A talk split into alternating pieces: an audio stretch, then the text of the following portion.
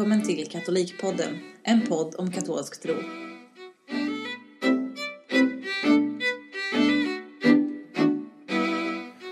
Hej och välkomna till dagens avsnitt av Katolikpodden. Jag sitter här idag med diakon Joakim Breding i Sankta Eugenia.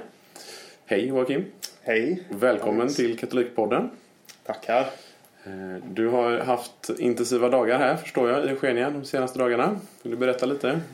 Nej, tvärtom faktiskt. Jaså? Ja, de har inte varit särskilt intensiva jag har inte ens varit här. Nej, Nej. men det har varit första kommunion tänkte jag på. Ja, idag har det varit intensivt. Ja, okej. Och igår var det faktiskt också intensivt. Ja, Då, det. eh, igår förberedde vi, eh, vad ska man säga, första halvan av den stora gruppen med barn som ska ta emot första kommunion. Eh, Så vi hade en hel dag igår när vi förberedde dem och det började med att man, ja vad gjorde vi? Jo, först så gick de till sin första bikt och vi förberedde dem på det i olika små grupper där de fick göra en liten samvetsrannsakan och titta sig i biktspegeln och, Ja. och lite så. Och sen så hade de lite lekar och lite lunch och, och sådär. Och sen så tränade vi intensivt eh, hela eftermiddagen tills de var nästan svimfärdiga. ska jag säga. Och vi också. Ja. Eh, och eh, idag så hände det. Ja, Ja. Bara en av dem svimmade. ja okej. Ja. Det, det är bra facit. Ja, Lite det svinn får man räkna Ja. med liksom. Ja, hur många var de? Eh, jag, ja, de var nog uppåt eh, 40 alltså. Oj, så många. Ja. Bara idag så att säga? Ja, Och precis. sen kommer det en grupp till. Mm, så kommer det en grupp till. Oj. Så hela proceduren sker Ja. en gång till nästa Det vecka. var väldigt många. Så att eh, de här två dagarna har varit väldigt intensiva. Men innan det så var det väldigt lugnt. Jag var på min eh, kanoniska reträtt inför prästvigningen. Mhm, Var var du då någonstans? Då var jag nere hos eh, Broder Ingmar i Benediktus kloster i Mariavall. Ja, fint. Mm. Var det fina dagar? Det var mycket fina dagar Ja. på eh, alla möjliga sätt. Eh, mina, mina röda öron vittnar just nu kanske om att det var den första vårsolen som kom. Och jag, jag rensade lite ogräs i, Ja. i trädgården där Ja, för att få eh, skingra tankarna lite. Ja. Eh, och brände mig ganska, ganska ordentligt. Men eh, Det blir lätt så. Ja, det blir, det blir lätt så. Men det var en väldigt fin reträtt. Bror Ingmar predikade mm, för mig en halvtimme på förmiddagen och en Mm. halvtimme på eftermiddagen. Och Mm. Det kan man ju bara säga är väldigt generöst. Med tanke på att jag, jag kom dit ensam. Ja, just Så det. jag var den enda som var där och fick Ja. ta del av detta. Wow. Ehm, och eh, miljön är ju underbart Ja. vilsam där. Jag Ja. vet inte om du har varit Nej, där? jag har aldrig varit där faktiskt. Nej. Så det, jag har sett fram emot det. Mm. Mm. Ja. Men kan du berätta lite kort om vem, vem är du? Och du, du är diakon så att säga och ska snart bli prästvigd. Och hur, eh, vem är du och hur har, din, hur har du kommit hit? Ja, den stora frågan som är så svår att svara på men som man får väldigt ofta. Ja, Ja. en kortfattad Ja, version. väldigt kortfattad eh, version. Eh, Jag kommer ju från Göteborg, som du vet. Ja. Ja, vi känner ju varandra därifrån redan. Ehm, Och växte upp i ett, eh, jag skulle säga ganska vanligt svenskt hem där man är där man blir döpt och konfirmerad i Svenska kyrkan. Men eh, tron är väl inte så mycket en levande verklighet i, i hemmet. så. Mm. Man går kanske till kyrkan på jul och någon annan gång också. Och sådär. Ehm, sen kan man ju få med sig värderingar och eh, mycket annat gott från en sån familjemiljö också. Som Ja. eh, eh, är katolskt också. Och det, det tror jag att jag fick. Ehm, ja, och sen så blev jag aktiv i Svenska kyrkan i eh, 20-årsåldern ungefär. Ehm, och var aktiv i Vasa församling i centrala Göteborg. Där jag också fick en grupp med vänner som eh, jag lärde känna och eh, de flesta av oss eh, är faktiskt katoliker idag. Mm, kul. Vilket är ett litet mirakel Ja. skulle jag säga. Ja. Men jag tror vi påverkade varandra väldigt mycket Just det. eh, åt det här hållet. Men var det, eh, för det vet jag, jag hade en annan kompis eh, som gick där lite grann och jag var där någon gång. Var det Björn Beckersten som var kyrkoherde? Nej, det var där då? precis före Det var hans precis tid. före, för jag har förstått att han är Ja. ju lite katolskt lagd Ja, också. precis. Nej, Men det var alltså innan detta? Ja, Ja, det var inte sådär jättekatolskt, Nej. om man nu kan säga så, i Vasakyrkan Nej, då. Utan snarare lite gammalkyrkligt. okej. Ja. Men med respekt för katolska kyrkan. Ja. Ja. Ehm, Björn kom faktiskt precis när jag lämnade församlingen. okej. Ja. Så det var exakt i övergången. Ja, ja. Men eh, vi påverkade varandra, vännerna, åt det här Mm. hållet skulle jag säga. Genom litteratur och genom hur vi pratade hur vi umg- umgicks och eh, vad vi gjorde. Och jag besökte också några kloster i, i Sverige. Ehm, och lärde ju känna kyrkans tradition på det sättet. Mm, just det. Ja. Kom i kontakt med kyrkofäder och mystiker och tidebönen. Tidebönen kom jag faktiskt i kontakt med på Bjärka Säby. Mm, Så det är en frikyrklig, eh, så att säga, klosterkommunitet. Ja, just det. Det är intressant. Mycket intressant. Ehm, så där mötte jag tidebönen och där öppnade sig den världen för mig. Ehm, och så konverterade jag 2007 i Kristus Konungen Ja. tillsammans med ehm, två vänner. Och en större grupp då såklart. Ja. Ja. Så det var några i vår vänkrets som konverterade Ja. då. Sen kom några efter. Och idag har nästan alla kommit efter. Spännande. Ja. Det är en annan historia egentligen. Men, mm, Så det är 11 år sedan nu. det är 11 år sedan. Och hur har du då, vad har hänt sedan dess? Ja. Hur, hur, hur kommer det sig att du sitter här Hur som snart blivande här? präst? precis. Eller som blivande präst?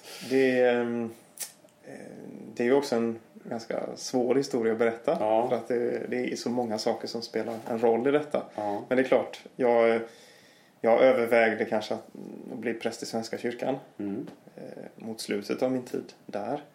Och studerade även lite teologi. Så jag hade ju med mig den tanken in i katolska kyrkan när jag konverterade. Ehm, Men jag visste att man behövde vänta innan man kunde få pröva en kallelse. Det är väl Mm. en treårsgräns ungefär de brukar, brukar ha. Kloster och eh, seminarier och så. Ehm, Så jag var väldigt öppen för vad, vad Gud ville med mitt liv då. Ehm, Och liksom släppte taget om kallelsetankarna i den riktningen. Mm. Ehm, För att vara så öppen som möjligt. Ehm, Och kom egentligen lite bort från det under en period. Ehm, Fast det lämnade aldrig mig så att säga. Nej, just det. Det är ju det där att man kan vilja väldigt många saker i sitt liv.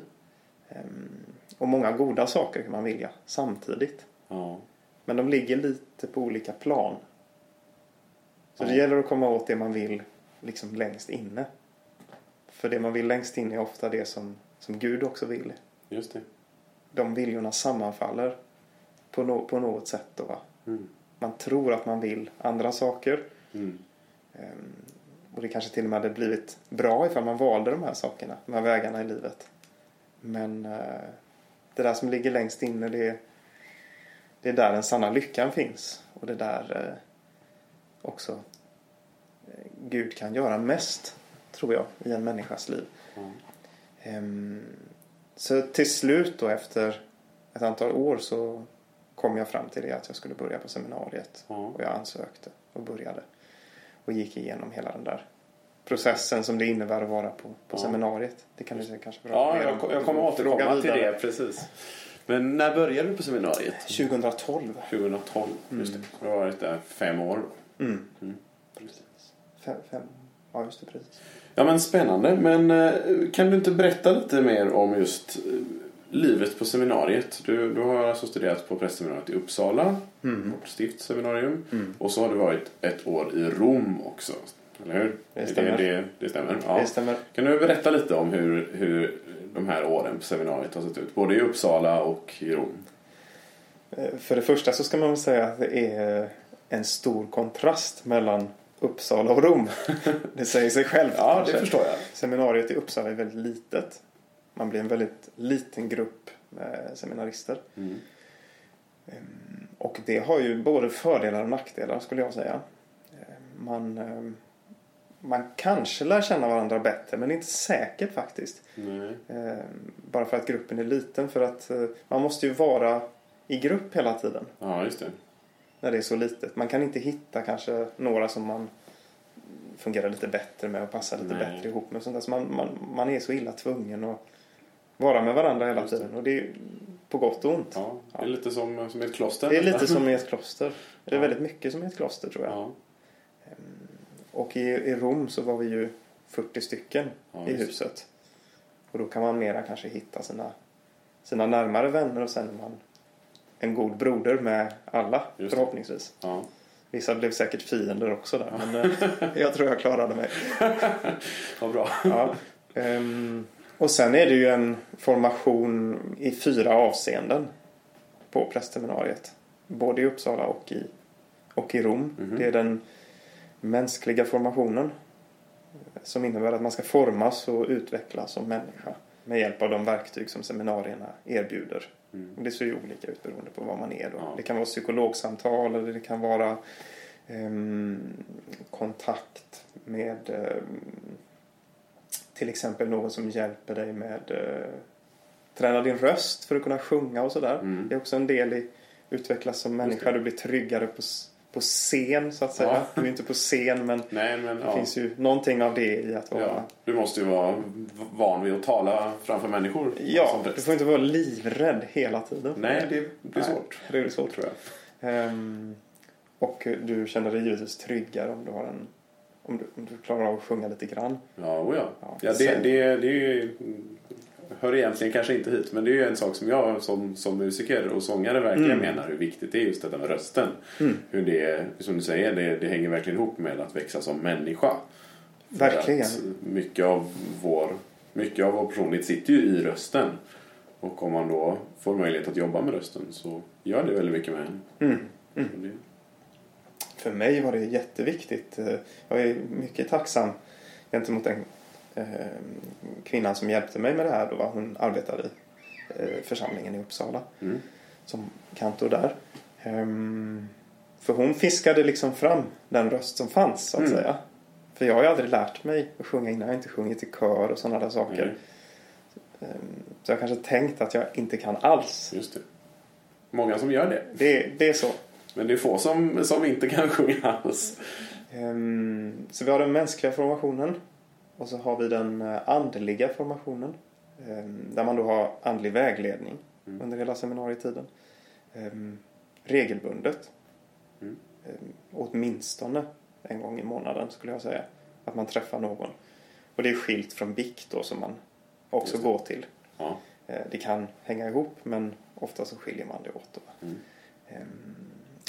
Ehm, Är det, är det det som spiritualen är ansvarig för? eller? Ja, man kan det. säga det. Ja. Spiritualen, spiritualen brukar vara den som har samtal med seminaristen under det första året i Uppsala. Ja. Sedan så gjorde den dåvarande rektorn gjorde en lista med olika vägledare Mhm. som hade sagt ja till att knyta sig till seminariet och de kunde ställa upp eh, och träffa oss regelbundet. Och, Som också fanns i området runt omkring just seminariet Uppsala, Stockholm och så då. Mm. Och sen är det ju andliga föredrag och reträtter som sker varje termin. Mm. Mm, Om det, om det sköts som det ska. Mm. Ehm, Och ehm, vi hade väl blandad, eh, blandad kompott när det gäller utbudet av reträtter. Vi gjorde en ignatiansk åtta dagars reträtt och vi hade en vanlig predikad reträtt och vi hade en reträtt som var betydligt eh, mera eh, inriktad på att vi, vad ska man säga, tog ansvaret för den tystnad och den miljö vi gavs Mm. på egen hand. Då, va? Inte så mycket input Mm. utifrån. Ehm, Så vi fick pröva på olika saker. Och sen så är det den intellektuella formationen som är kanske den som egentligen eh, kräver mest av oss som seminarister för det är en heltidsutbildning på, eh, på universitetet. Ja, högskolestudier. Ja. Precis. Med allt vad det innebär. Det. Och eh, det där ska ju då försöka passas ihop med de här övriga pelarna. Och den, då var det ju så, då läste jag först på Newman-institutet. Mm. Och tog de kurser som ges där. Och de har ju ett slags löfte till seminariet att ge de kurser som vi behöver Mm. hela tiden. Mm. Det gör att man ibland får läsa själv. Ja, För att eh, egentligen går inte den här kursen. Men de måste ge den. Så då får man den ändå. okej. Så någon kurs har jag tagit själv och någon har varit i större klass där och sådär då. Och då hade du läst en del teologi innan? Ja, eller? precis. Jag hade ju egentligen en teolkand från, Ja, eh, från Mm. Göteborg. Just det. Och eh, fick tillgodoräkna mig ett av de tre åren. Okej. Så det är därför du, eh, din prästutbildning är lite kortare än, Ja, än det, det brukar det vara? är det. De godkände lite grann. Det. Och eh, sen läste jag på Angelicum, Dominikanernas i Rom. Där det var mycket Thomas. Ja, Ja, av Aquino. ja Thomas av Aquino. Ja. Sankt Thomas av Aquino. Ja. Som, som vi läste i stort sett på varje kurs då. Ja, ja väl, finns en del att ta där av. Ja, man läser inte klart det på ett är det. Det finns Ja. hur mycket som helst. Mm. Eh, sen den fjärde pelaren, det fjärde benet eller vad det nu man säger, det är eh, pastoral formation. Mm. Så jag gjorde praktik hela tiden i en Mm. församling. I mitt fall var det Enköpings eh, församling. Just det. Så jag åkte och hämtade prästen, fader Magnus Nyman, Ja, på söndag morgon.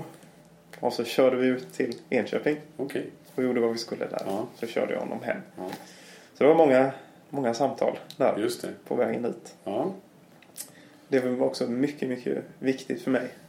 mm, just det.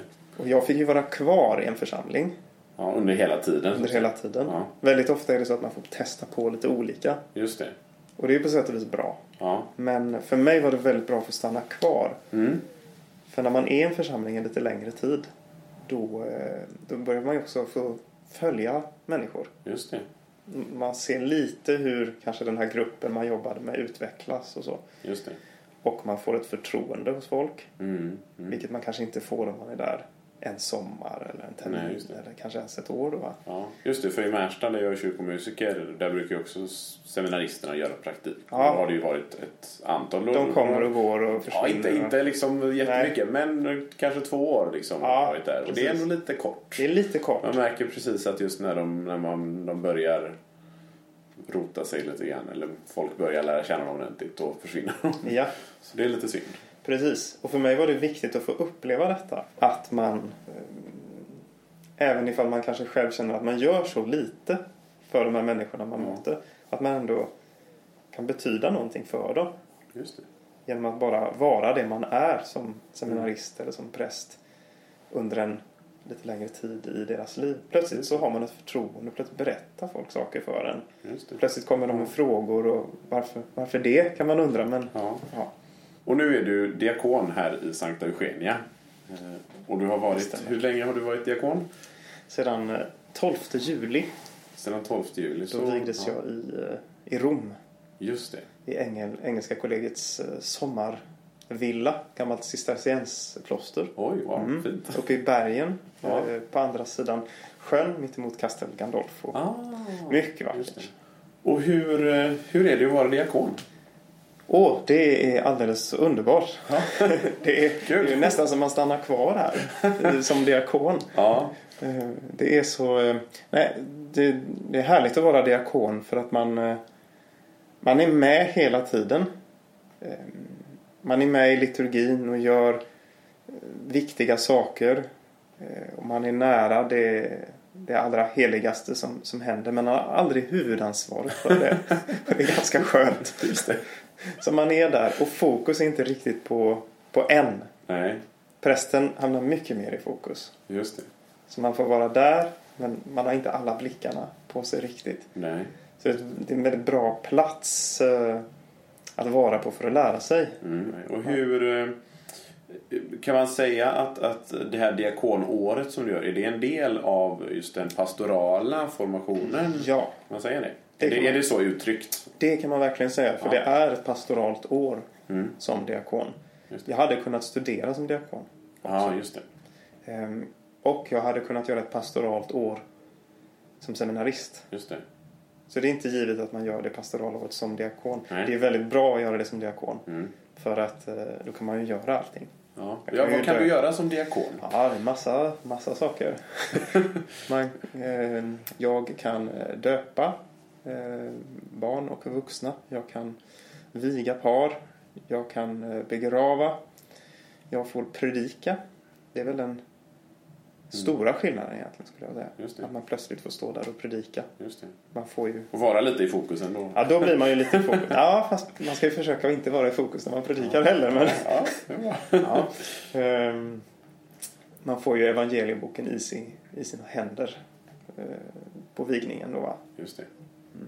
Ta emot det heliga evangeliet och Ja. tro på det du lär och förkunna det du tror på. Just det. Spännande. Ehm, Så ett sånt gör man. Sen gör man sådana saker som man kunde, som jag kunde göra tidigare också. Jag kunde ju undervisa barn och ungdomar tidigare men det gör jag nu också. ja. Så det är fullt, fullt upp? Ja, det är fullt, fullt ja. upp kan man säga. Ja. Och då om, eh, om en och en halv månad då är det dags för prästvigning. Hjälp. Ja. Hur känns det? Det, det känns mer och mer pirrigt ju närmare jag kommer det. Ja, Det, det är ett stort steg. ja, det är ett mycket stort steg. Det är Sen, som att gifta sig liksom. ja, det är det. Hur kändes det för dig när du, Ja. när du gifte dig? Det var faktiskt inte så pirrigt. Det var inte så var väldigt pirrigt. cool eh, Ja. för det. Claudia var väldigt nervös. Claudia var Ja. nervös. Men jag var, jag var så här, "Nej, men det ska vi göra den här? Mm. vet jag ju. Så det, men, Li, eh, alltså, lite så är det också. Jag tror att jag är nog inte så nervös inför... Jag är inte så nervös inför att ta det steget. Jag är inte så nervös inför själva prästvigningen. ja. Ehm, Jag är mer nervös för det som ganska snabbt kommer Mm, direkt efter det. just det. Man firar en första mässa Mm. dagen efter. Mm. Då ska man stå där. Ja. Och ehm, jag kommer åka till Rom väldigt snart på det och fira en mässa på, Mm. vid kollegiet där jag läste. Just det. Eh, troligtvis så kommer jag att börja höra bikt Ja, direkt. Och då ska man sitta där. just det. Och eh, ja, då får man lita på att Gud, Gud tar hand om Ja. en och eh, gör det han ska genom en som ett väldigt. Ovärdigt instrument. Mm. Ehm, men så jag är mer nervös för det som kommer direkt efteråt. Att det. kommer så snabbt. Att, att vara präst liksom. Själva. Ja. För, ja, för vad, vad, vad innebär det att vara präst egentligen? Oh. ja du, skulle du frågat en präst? Ja. Ja, det här blir ju gissningar nästan. Ja. Eftersom man inte vet hur det är det där på andra sidan. Nej. Sakramentet ger ju någonting som man inte, Ja. Inte kan ha. Just det. Det är nog lite som att gifta sig. Ja. Det är svårt att svara på hur det är att vara gift innan. Ja. Just det. Nej men precis. Man, ja, det är sant. Mm. Man kan ju säga liksom ja, det här och det här kan man Ja. läsa sig till i en bok Ja, kanske. Men, precis.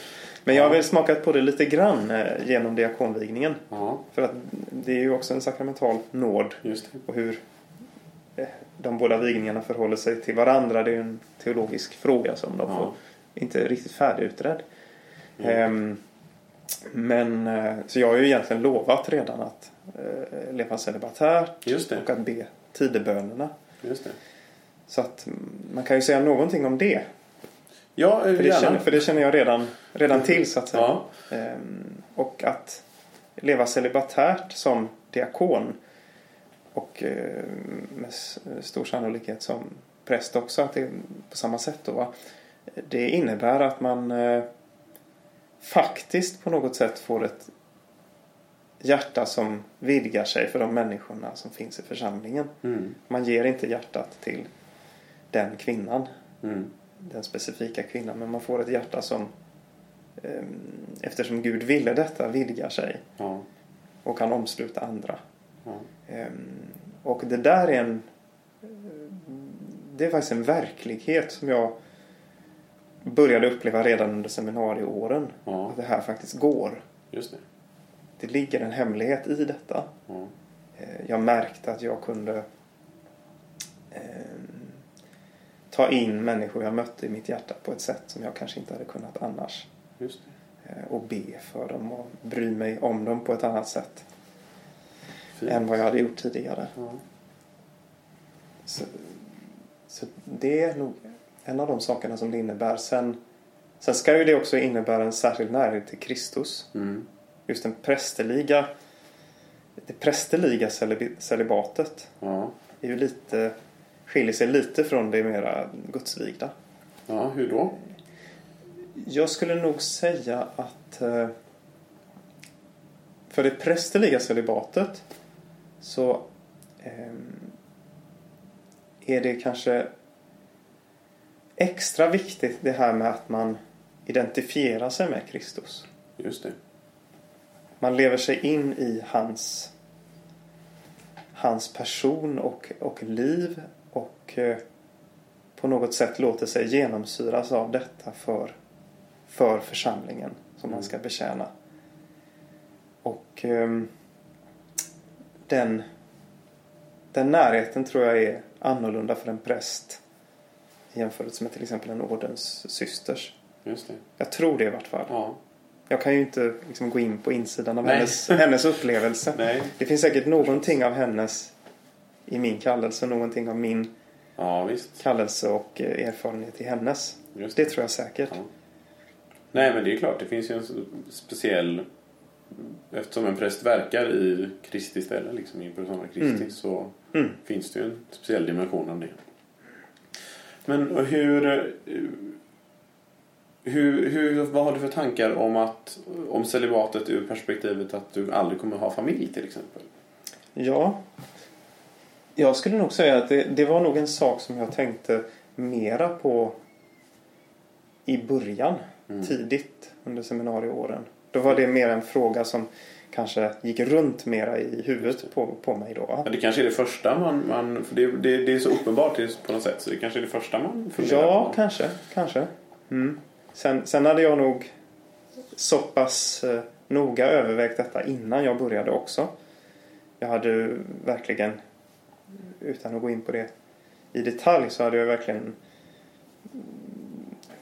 prövat ifall jag hade en kallelse till äktenskap också då va. Och jag har ju velat det. Ja, Men vi kommer tillbaks till det där jag sa i början att det fanns hela tiden något annat jag ville mer. just det.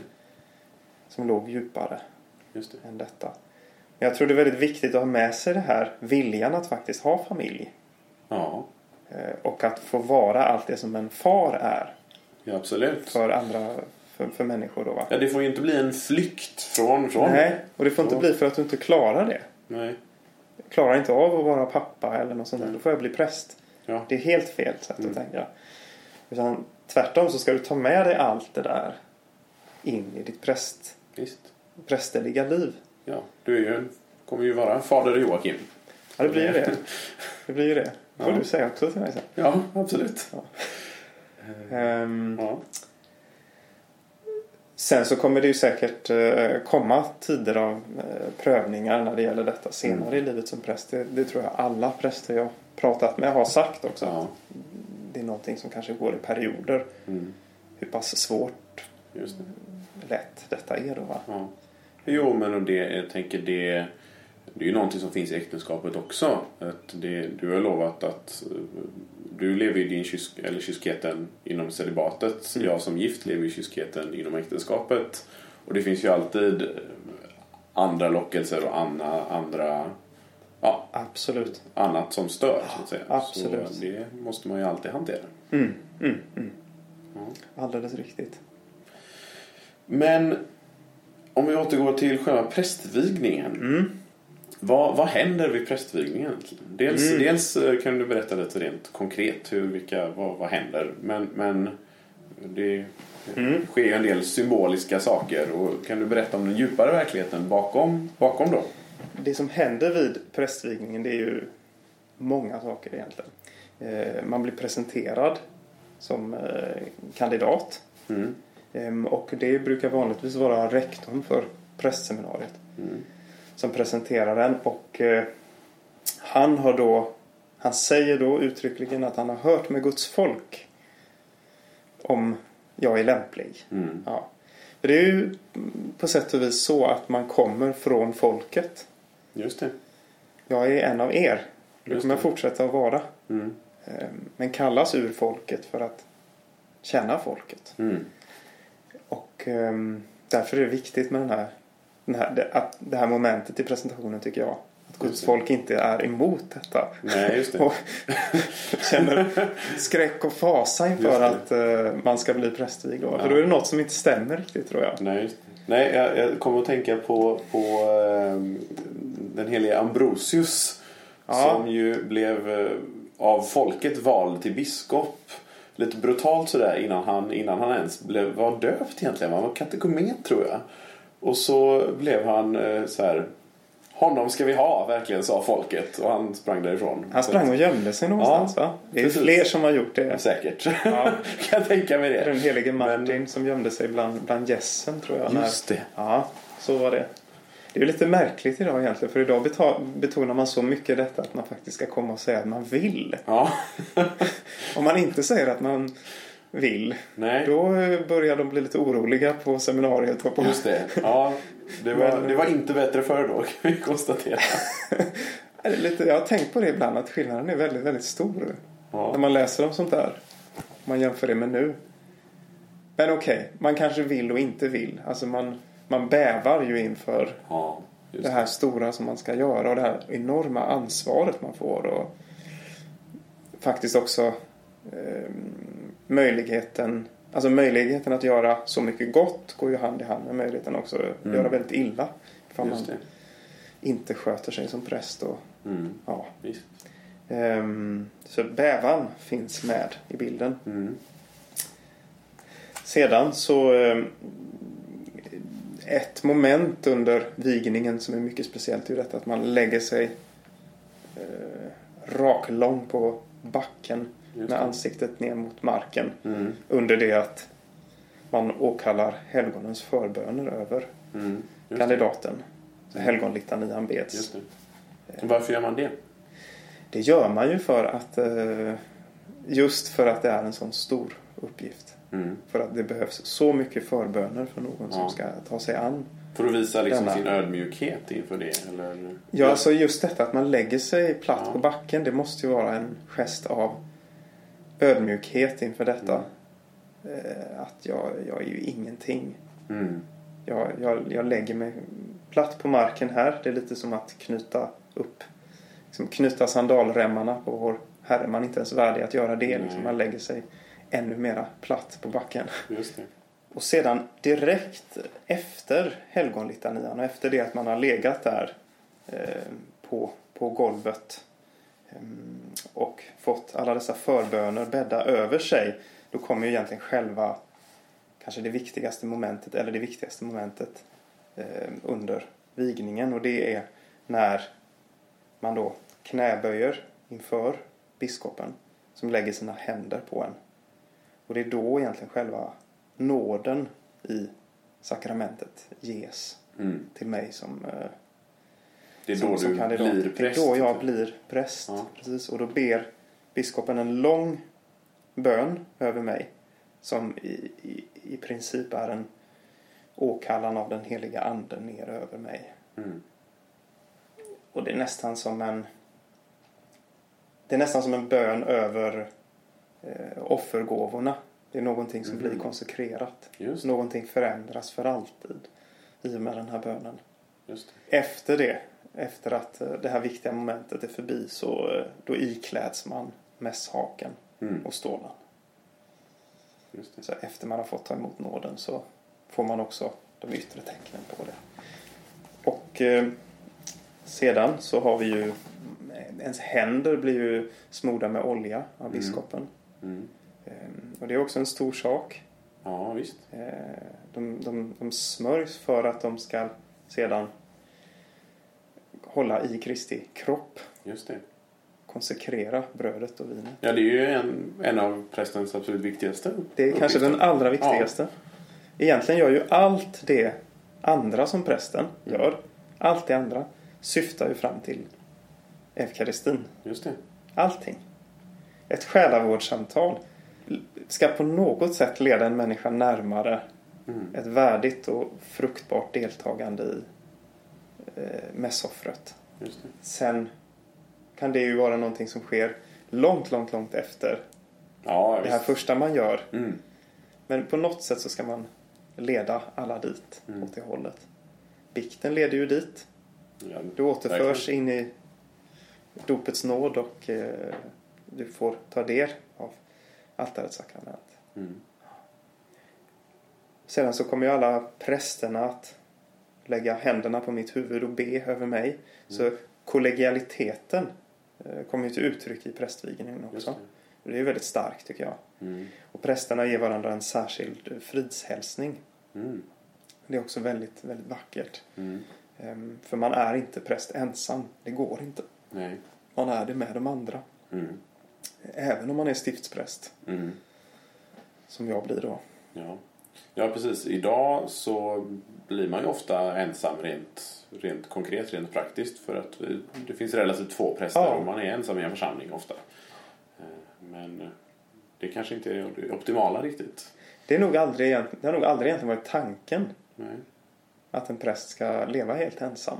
Nej. Utan att man, jag tror eh, påve emeritus Benedikt eh, sa väl det att eh, det har aldrig varit eh, en tanke i kyrkan att prästerna ska bo ensamma utan prästen ska alltid ha någon slags gemenskap. Just det. Det försöker man ju då skapa under seminarietiden. Mm. Så att man redan där har fått en gemenskap med andra som man sen vigs tillsammans med. I mitt fall så har det varit lite konstigt då eftersom ehm, dels är det så få av dem som jag har läst med i Uppsala som har fortsatt. Ja. De flesta har ju faktiskt hoppat av. Ja. Ehm, Josef är kvar. Vi började Ja. samtidigt. ja, just det. Mm. Ehm, och sen har vi de i Eng- som kommer från England Mm. som jag läste med i Rom. Just det. Och där blev det ju väldigt starkt under det året. Ja. Men de är ju inte här. Nej. Men jag tror ändå att där fick jag vänner som jag kommer kunna ha kontakt med. Och kommer kunna åka med. Alltså göra en semester med eller åka och hälsa på. Mm. Det kan vara bra att komma bort från sitt stift också. Just det. Eh, hälsa på där. Och då kommer ju kollegialiteten till uttryck. Just det. Och sen här i Sverige får man ju försöka ha åtminstone en andlig gemenskap med Mm. några präster som man eh, känner väl och sådär. Att man, man, man vet att man åtminstone ber för varandra även om man kanske är i Mm. olika delar av landet. Mm. Så får man försöka bygga upp en gemenskap eh, med de som är på plats. För oftast är det ju faktiskt någon mer än en själv. Ja. Eh, beror ju på vad man är så att säga. Ja, man, ja, ja. Oftast finns det någon, skulle Ja. jag säga. Precis. Om inte en kaplan eller en kyrkoherde så eh, en nationell själasörjare Just det. på något sätt. Mm. Mm. Ja, är det något mer du undrar om själva? Det finns ju så mycket att Ja, säga ja, om det finns mycket. Men vad, kan man säga någonting? Man brukar ju säga att vid, vid prästvigningen så sakramentet, det händer någonting med. Mm. med. Mm. Vill du säga något om det? Alltså vad det är som händer. Precis. Ja, eller det- Alltså ja. det, det, det där är ju mystiskt. Det skulle jag kunna fråga dig också. som gift man. Vad hände egentligen?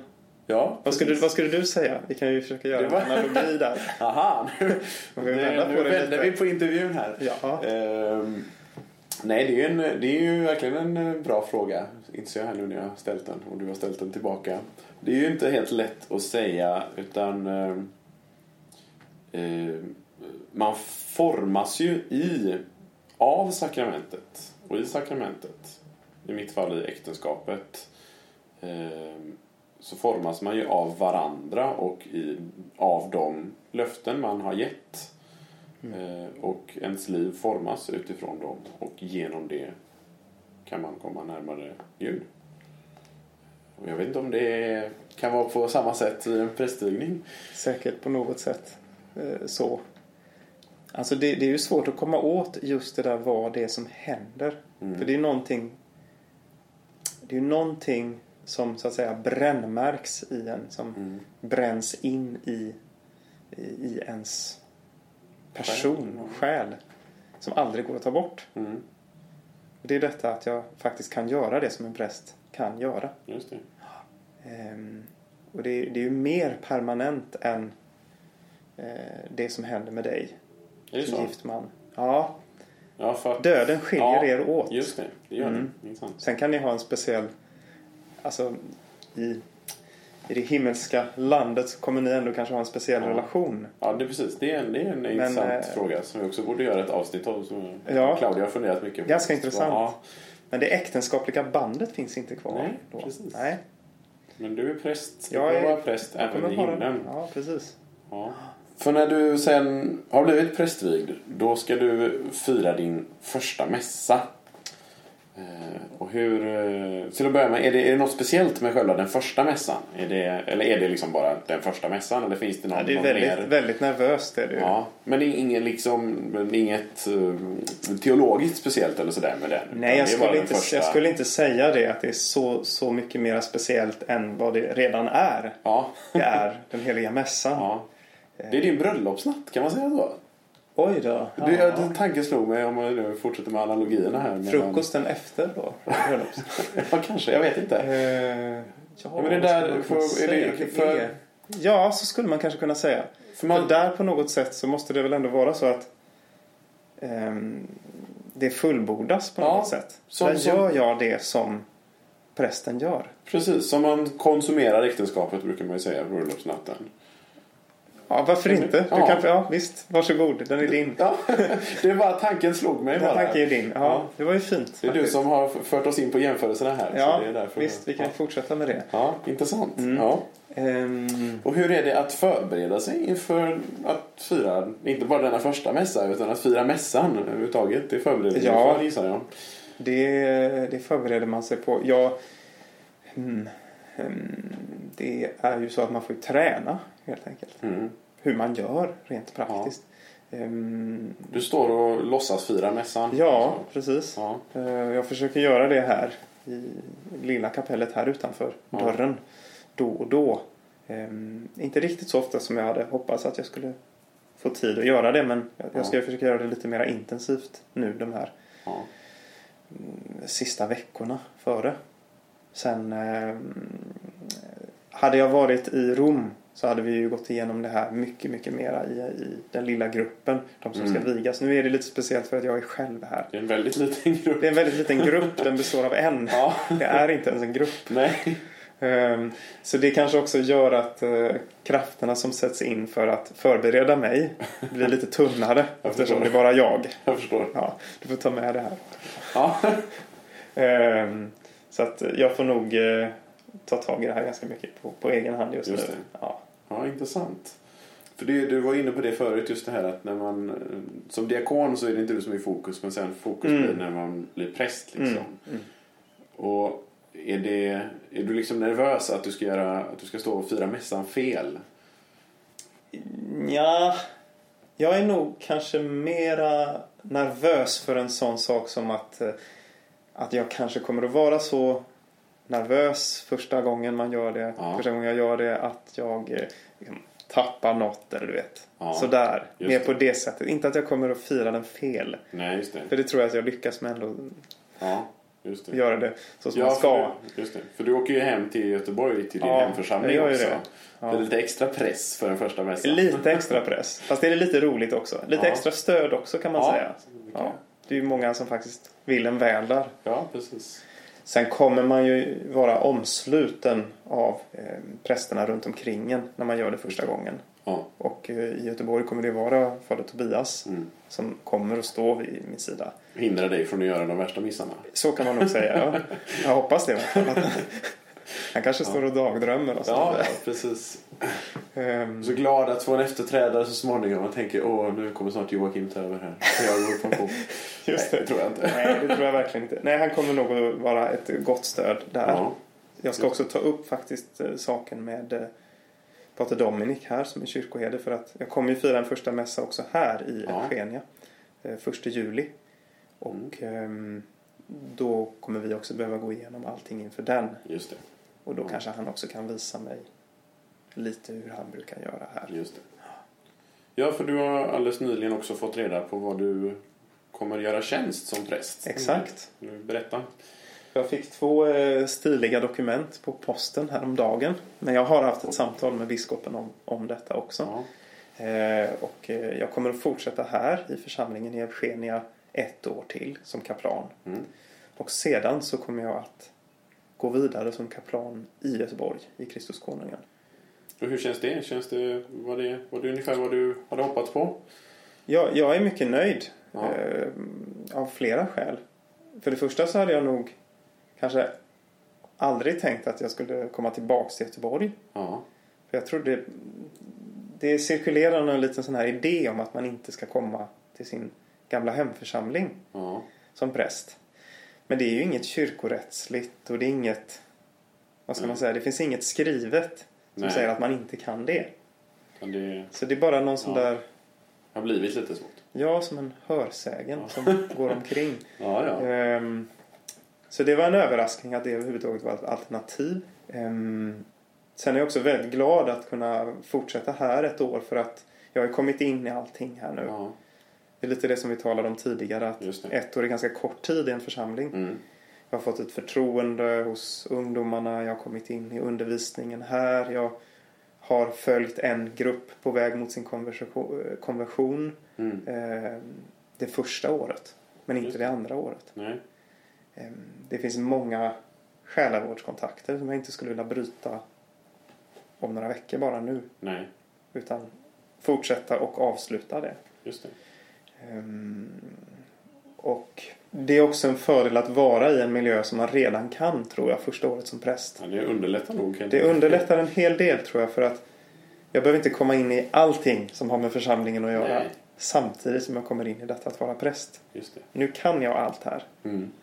Nu kan jag bara gå in i detta att vara präst här. Mm. Och ett år går väldigt fort och sen kommer jag kunna flytta vidare. Mm. Och eh, det är ganska skönt att slippa tänka på att flytta också direkt efter, Ja, efter vigningen. Det är ändå ganska, ganska jobbigt. Mm. Och hur känns det att komma tillbaka till din gamla hemförsamling? Ja, bra fråga. Det är, det är en sån där sak som jag tänker på ganska mycket. Hur det kommer att bli. För där finns ju vänner och mina föräldrar finns ju faktiskt till och med i Mm. församlingen. Jag har ju varit borta länge nu.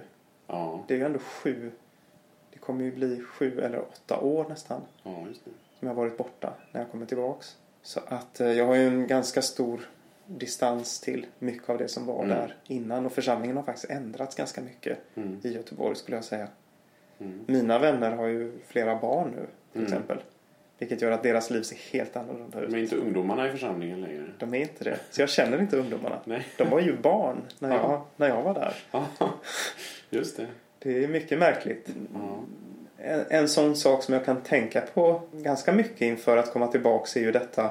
Hur ska relationen till eh, gamla vänner se ut när man är präst då va? Ja. För någonting ändras ju just för att jag är präst. Jag kommer aldrig kunna relatera Nej. till andra precis som jag har gjort innan. Nej, nej. Fast samtidigt finns det ju kvar också. Ja. Ehm, hur blir det att höra bikt från Mm. någon som man känner ganska väl och sådär. Mm. Om det blir så att han eller hon kommer och biktar Mm. sig för mig. Sådana där saker kan jag gå och tänka på men jag tror att jag har lärt mig under de här åren på seminariet att det tjänar väldigt lite till att tänka på hur det kommer att bli. Ja. För det var en sån där sak jag gjorde i början på seminarietiden. Väldigt, väldigt mycket. Ja. Jag tänkte, hur blir det? Hur blir det? Hur blir det? Och hur kommer det där gå? Och hur kommer det där vara när, man blir, när jag blir präst? Men jag kom ju, jag kom ju ingen vart med detta. det stör mig bara nu. Just det. Så det bästa sättet att förbereda sig på Göteborg är att vara här nu. Om du eh, tänker dig in i framtiden lite längre. eh, Finns det några, några eh, drömjobb, några, något drömtjänst som, som präst eller någon, någon mardrömstjänst eller mardrömsjobb? Oj, oj, oj. oj. Det Är det också så här, du kanske inte, det är apropå att man inte ska tänka på hur det blir, men eh, har du Jag- jag- funderat något så, på något sånt? Det här skulle jag absolut vilja göra, det här skulle jag absolut inte vilja göra. Ja, eh, det är väl sånt där man inte ska säga. För det kanske är sant. då får man väl det man inte vill gissar jag. Ja. Eh, ärligt talat så har jag inte tänkt så mycket på det. Fast, fast jag, jag, jag har ju valt detta och jag tror att Gud har kallat mig till detta att vara i, i en församling faktiskt. Mm. Och att vara nära människorna i en församling. Så det är ju det jag hoppas på att jag kommer att få göra Mm. i framtiden. Jag kanske inte går och drömmer om alltså andra uppgifter som prästen har runt omkring. Det. Det. kan ju finnas sådana uppgifter. Man kan Mm. vara med i ett råd eller man kan, man kan göra det eller det eller man Just kan... det. Ja, jag vill inte gå in i detalj för mycket där. Men du jag tror du förstår vad jag Du menar. vill jobba pastoralt kan man säga. Jag vill vara nära människorna i församlingen. Jag förstår. För det, det var så viktigt när jag eh, va, valde det här från, från början. Just det. Det var det jag drogs till och det var det Ja, Gud lockade mig igenom. just det. Just det här när jag såg människor i församlingen. De här vanliga människorna i församlingen. Mm. Och jag började så att säga umgås med den tanken på att jag skulle kunna vara präst för de här människorna. Just det. Och man ser hur, hur stort behovet är och, och så då va. Och jag tror att i det där så låg någonting av min kallelse också. Mm. För jag tänkte också på, på klosterliv och, och sådana saker och drogs väldigt starkt till det. Var Mm. till och med hos karmelitbröderna några månader. Mm. Och uppskattade det väldigt mycket. Jag älskar också benediktinska eh, tidebönerna i, Mm. kommunitet och tystnaden i klostermiljön där och så. Men någonstans så fattades det mig hela tiden detta att få vara, leva för Gud nära och för de här människorna i församlingen. Just det. Ja, det här har blivit en lång intervju. Eh, men jag har en eh, sista fråga i alla fall. Eh, mer hands-on. Eh, du går nästan alltid klädd i sutan redan nu som diakon. Eh, och kommer kanske fortsätta med det som präst. Vill du säga något om det? Du kanske ser mig oftare i sutanen än vad jag har den. Ja, det kanske är så. Det är nog lite så.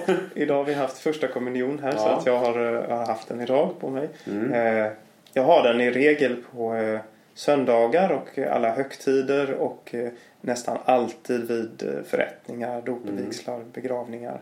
Men även när du har varit hemma hos oss Ja, eh, precis. middag så har du Precis. kommit i sutan till Ja, exempel. det har jag. Ja. Eh, Det jag tror på att sutanen eh, har ett, eh, vad ska man säga, har ett värde, kanske i, i synnerhet för Guds folk, för människorna i församlingarna, Mm. för barnen och för ungdomarna. När de ser sutanen Mm. så väcker det associationer Mm. till, till Gud och till kyrkan och eh, de, de förstår att det handlar om detta. Eh, och eh, på något sätt så tycker jag nästan att sutanen är mer neutral än eh, kostymen och sådär. För kostymen väcker andra associationer i vårt samhälle. Ja, det finns precis. Det kan vara företagsman eller bankman eller Ja. något sånt där då va. Jag går också i kostym. Ja. Svart kostym och, och så. Det, oftast har jag ju faktiskt till vardags här prästskjorta och Ja. svart kavaj och, och Ja. sådär. Ja. Men sutanen ger, väcker inga sådana associationer idag. Nej, just det. Nej. Så den är, den är mer kyrklig. Ja. Eh, Dessutom är den ganska bekväm. Vad bra. Det är faktiskt mycket mer bekvämt än kostym. Ja, Ja, ja men då så. ja. Nej men då tackar jag dig för denna fina intervju. tack själv. Eh, Jag ska säga också passa på och för alla lyssnare att tipsa om att nu i helgen, nu på lördag, så är det öppet hus på seminariet i Uppsala. Eh, Om ni går in på vår Facebook-sida så finns det en länk med mer information om detta. Om någon skulle ha lyssnat på detta och känt att hmm, det låter intressant det där med att vara präst. Så- kan man åka till öppet hus på seminariet. Och än en gång, tack Diakon Joakim och eh, vi i Katolikpodden ska be för dig inför din stundande prästvigning. Tusen tack. Du har lyssnat på Katolikpodden. Du kan nå oss på katolikpodden gmail.com.